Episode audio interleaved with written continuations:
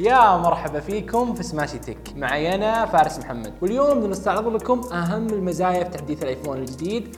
ويلا معانا.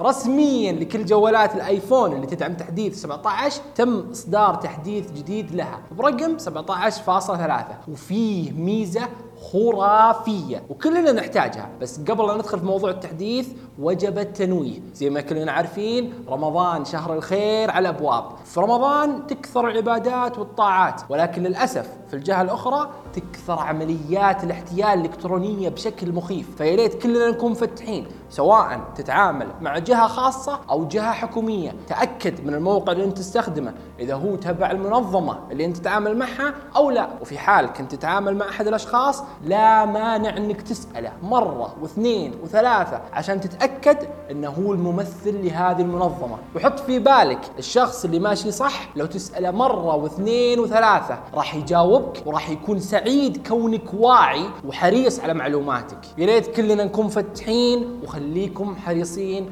واتمنى لكم تصفح آمن. نجي للتحديث اللي أضاف ميزة جميلة جدا جدا، فلنقل لا سمح الله تمت سرقة جوالك. والحرامي بطريقة ما عنده كلمة السر، في ذي الحالة سلم لي على الجهاز، خصوصا إذا أنت مسجل دخول بالإيميلات على جهازك راح يلعب بالدنيا لعب، لأنه يقدر يستخدم أي ميزة تتطلب ال password، على سبيل المثال لا الحصر بطاقتك حقت الصراف، إذا أنت مضيفها في الجوال يدخل الباسورد ويحاسب في أي مكان. ولكن هنا يجي دور الميزة هذه اللي راح توقف الموضوع هذا وتساعد كثير على حمايتك. يلا معي على الجوال أوريكم الخطوات البسيطة لتفعيل الميزة.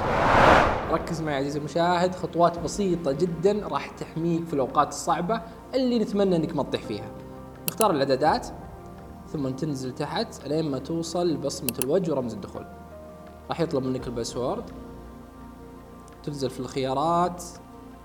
لما تحصل حماية الجهاز المسروق. تسوي تشغيل الحماية الآن الحماية مشغلة.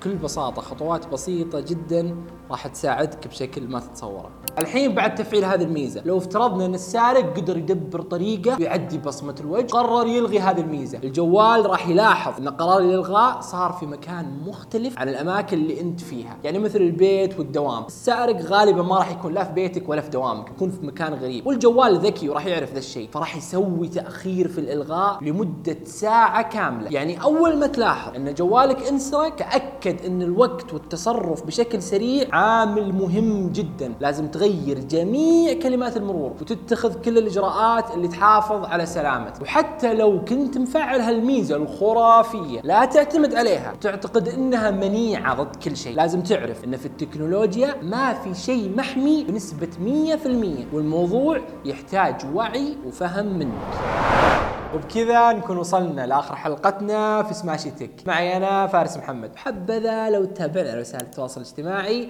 ونشوفكم على الموعد بإذن الله.